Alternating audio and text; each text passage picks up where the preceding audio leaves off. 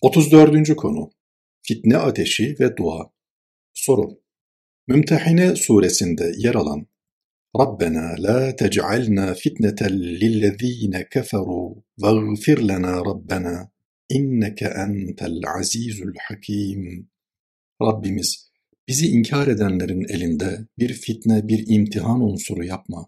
Bizi onların baskı ve işkencesi altına düşürme, bizi bağışla.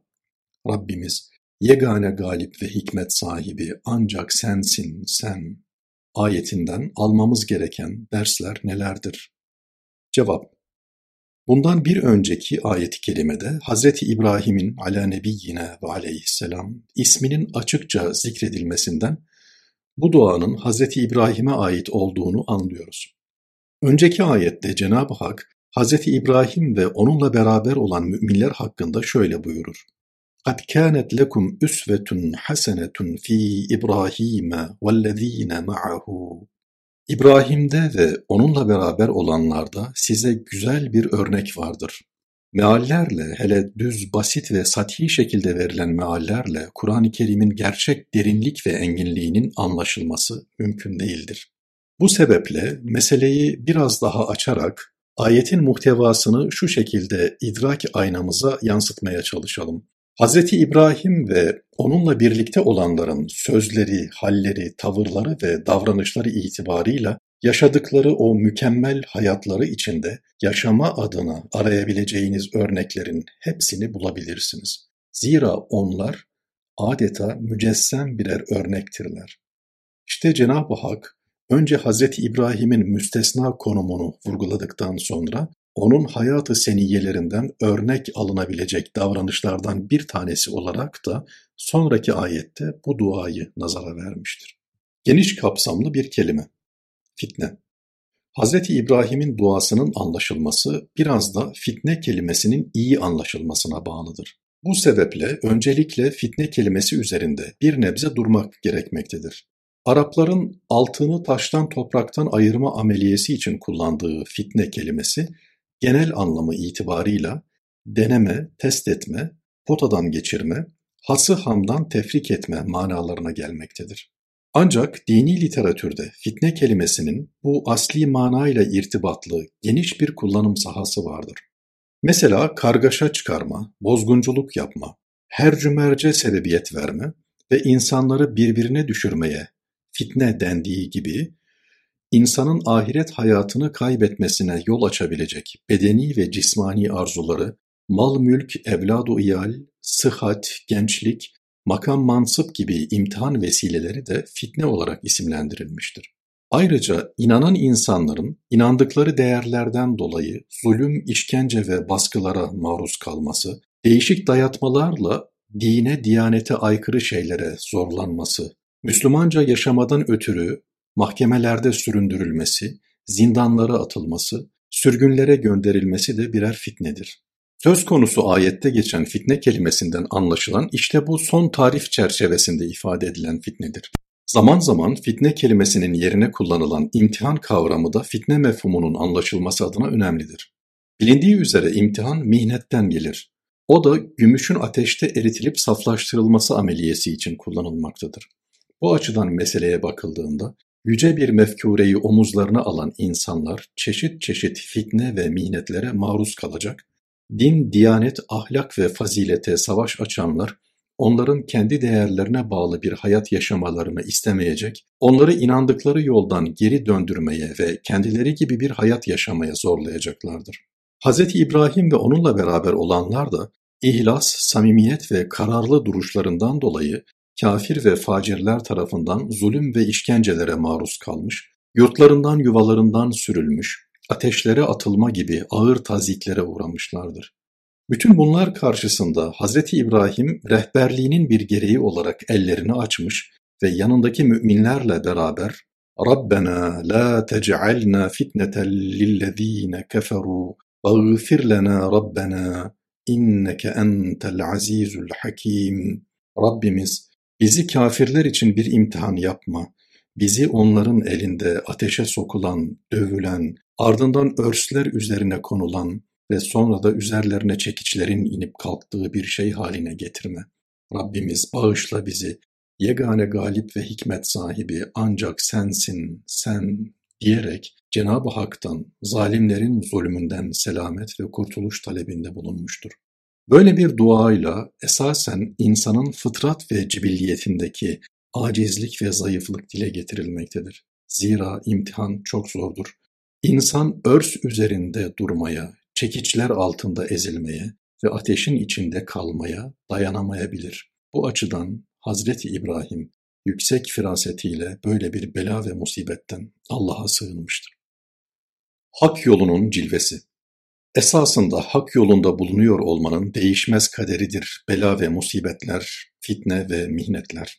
Zira bir insan Allah karşısındaki duruşunun sağlamlığı ve ciddiyeti ölçüsünde ehli dalalet ve ehli küfrün hedefi haline gelir. Şayet siz sahip olduğunuz iman, dava düşüncesi ve ortaya koyduğunuz kıvam ile karşı taraf için endişe verici bir insan haline gelmişseniz, onlar sizin yakanızı hiçbir zaman bırakmazlar. Peygamber Efendimiz'e sallallahu aleyhi ve sellem, Eyyün nâsi eşeddu belâen ya Resulallah, belanın en şiddetlisine maruz kalan insanlar kimlerdir diye sorulduğunda o aleyhissalatu vesselam şöyle cevap vermişti. El enbiyâ'u thummel emthel fel emthel. Peygamberler ondan sonra da derecesine göre diğer insanlardır. Bu hadis-i şeriften de açıkça anlaşılacağı üzere belanın en şiddetlisi, en çetini, en altından kalkılmazı peygamberlere gelir. Ondan sonra da derecesine göre diğer müminlere.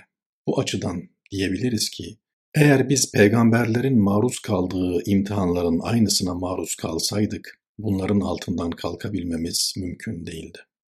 İmtihanları doğru okuma Hz. İbrahim aleyhisselam fitneden kurtuluş ve selamet talebinin hemen akabinde "Vâğfir lenâ rabbena" Rabbimiz bağışla bizi diyerek mağfiret talebinde bulunmuştur. Zira mümin, sırf hak yolunda bulunuyor olduğundan dolayı hedef haline gelse, bela ve fitnelere maruz kalsa da, o her türlü bela ve musibet karşısında bunun kendi hata ve günahlarından kaynaklanma ihtimalini düşünür Bundan dolayı da Allah'tan Celle Celaluhu af ve mağfiret talebinde bulunur, bulunmalıdır. Evet, insan başına gelen bela ve musibetlere bir Hazreti Ömer radıyallahu an felsefesiyle yaklaşmalıdır. Bilindiği üzere o yaşanan kıtlığı kendi günahlarına bağlamış, başını yere koymuş ve Allah'ım benim günahlarım yüzünden ümmeti Muhammed'i mahvetme demiştir. İşte bu kamil mümin tavrıdır. Bir yere bir yıldırım düşse veya bir yeri sel bassa, insan acaba benim günahlarım yüzünden mi bu oldu demelidir. Evet, mümin maruz kaldığı bütün bela ve musibetleri kendi günahlarından bilmeli, aynı zamanda bunların kendisi için bir kefaretü zünub, günahlardan arınma vesilesi olduğunu düşünmelidir.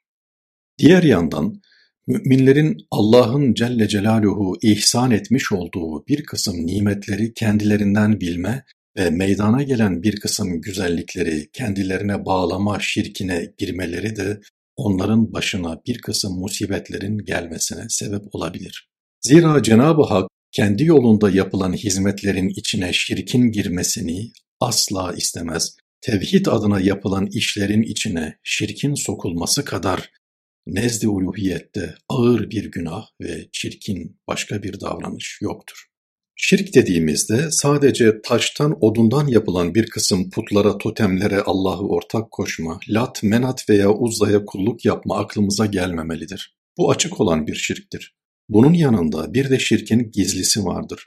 Konuyla ilgili hadis-i şerifte Peygamber Efendimiz sallallahu aleyhi ve sellem İnne ahvefe ma ahafu aleykum eşşirkül esgar Sizin hakkınızda en çok korktuğum şey küçük şirktir demiş. Sahabe-i kiram efendilerimizin ve meşşirkül eshar küçük şirk ne demektir sorusuna da er riya o riyadır cevabını vermiştir. Böyle bir şirk başka bir hadiste ise şöyle bir benzetmeyle açıklanmıştır.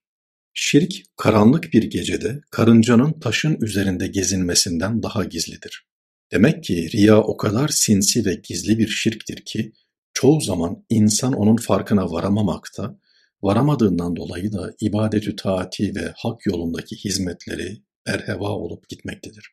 Allah yolunda koşturan insanlar yaptıkları işlere şirk bulaştırdığı zaman Cenab-ı Hak cebri lütfi olarak onlara yer yer ehli dalaleti musallat edip kulaklarını çekebilir. Eserlere baktığımızda Hazreti Üstad'ın gerek şefkat tokatları bahsinde gerekse lahikalarda bu konuyla alakalı çok sayıda misal serdettiğini görmekteyiz. Ayrıca bilinmesi gerekir ki maruz kalınan belalar işlenen cinayet ve cürmün büyüklüğüyle doğru orantılıdır. Hata ve günahın büyüklüğüne göre gelen tokatlar, şefkat tokadı olabileceği gibi nıkmet, azap tokadı da olabilir. Kader adalet eder. Bu itibarla yapılan işlere egosantristçe mülahazalar karıştırılması, mesela yazılan bir yazının beğenilmesi veya banisi olunan bir inşaat karşısında takdir beklentilerine girilmesi, tokat yenilmesine sebebiyet verebileceği gibi onca emeğin, terlemenin, yorulmanın hepsini uçurup götürebilir. Üstelik bütün bunlar neticesinde Allah müminleri fitneye tabi tutarak onları kafirlerle te'dip edebilir.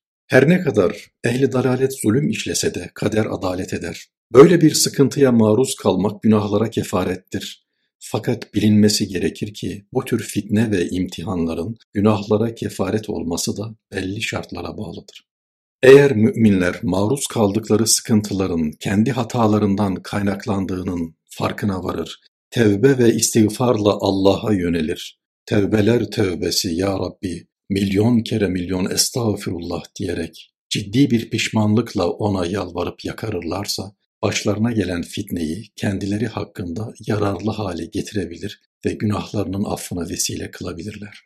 Nitekim Hazreti Pir, ehli dalalet ve ehli dünyanın kendisine yapmış olduğu zulümlerin sebebini anladığını ifade etmiş ve bunu iman ve Kur'an hizmetini maddi ve manevi terakkisine alet etmesine bağlamıştır. Onun iman ve Kur'an hizmetini maddi manevi terakkisine alet ettiğine dair en ufak bir şey bilmiyorum. Ama o kendi muhasebe ufku açısından meseleyi böyle değerlendirmiştir. Demek ki insan Allah yolunda yapmış olduğu hizmetler karşılığında ne dünyevi ne de uhrevi herhangi bir beklentiye girmemelidir. Evet o değil takdir ve alkış beklentilerine ben şu işleri yapayım ki seyr-i sülûki ruhanide mertebe kat edeyim. Bir basamak daha yukarıya çıkayım, cennete gireyim, firdevse nail olayım gibi uhrevi beklentilere bile girmemelidir. Aksi takdirde çekilen çile, sıkıntı ve meşakkatler günahlara kefaret olmayabilir. Mesela fitneye maruz kalan bir insan, ben Allah yolunda koşturup duruyorum, ne yaptım ki bunlar başıma geldi der. Bir taraftan kendisinde eksik ve kusur görmez, diğer yandan da halinden şikayet ederse, bu defa çektiği sıkıntıları beyhude çekmiş olur. Üstelik böyle bir kişi, hafizan Allah, kadere taş atma ve Allah'ın kazasına rıza göstermeme günahına girmiş olur. Rabbim son nefesimize kadar kendi yolunda hizmet etmeyi, tevbe ve istiğfar şuuruyla hayatımızı nurlandırmayı, arınmış ve tertemiz bir halde ötelere yürümeyi hepimize nasip eylesin.